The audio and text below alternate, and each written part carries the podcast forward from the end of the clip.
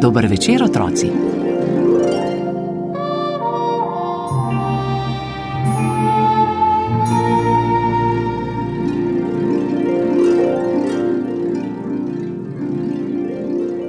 Nekoč je živela pravljica.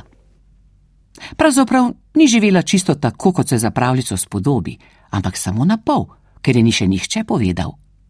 Začela bi se z nekoč ali v davnih časih, govorila bi o čudovitih in neverjetnih stvarih, vendar bi moral kdo posoditi svoja usta. Tavala je po svetu, kakor sirota, ki išče starše. Iskala je med bogatimi in manj bogatimi, revnimi in še revnejšimi. Toda vsi so bili preveč zaposleni, da bi jo opazili. Bogate je skrbelo, da jim ne bi kdo česa ukradel. Manj bogati so se poglabljali v knjige, recepte in račune, revni in še revnejši pa so kar naprej gledali televizijo.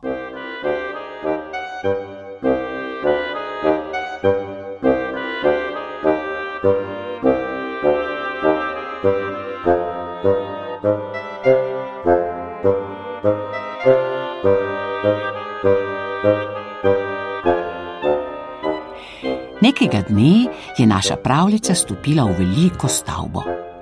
Povspela se je v prvo nadstropje, potem v drugo, in ker jo je zanimalo, ali je tudi tretje na las enako drugemu in četrto tretjemu, se je uspenjala više in više, dokler ni prispela v zadnje sedmo nadstropje. Šla je mimo prvih vrat, potem mimo drugih, in ker je hotela videti, ali so tudi naslednja enaka prejšnjim, je prišla do zadnjih sedmih vrat in jih tiho odprla.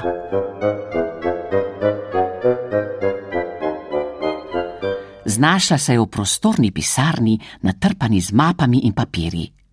Za mizo je sedela belo oblečena gospa, gledala v zaslon računalnika in rahlo premikala ustnice, kot da bere ali računa.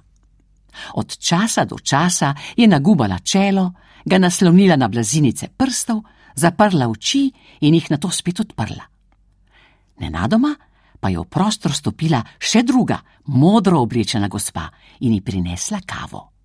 Toda tista, ki je sedela za mizo, je samo prijela skodelico, prinašalke pa niti pogledala ni, ampak je še naprej strmela v zaslon.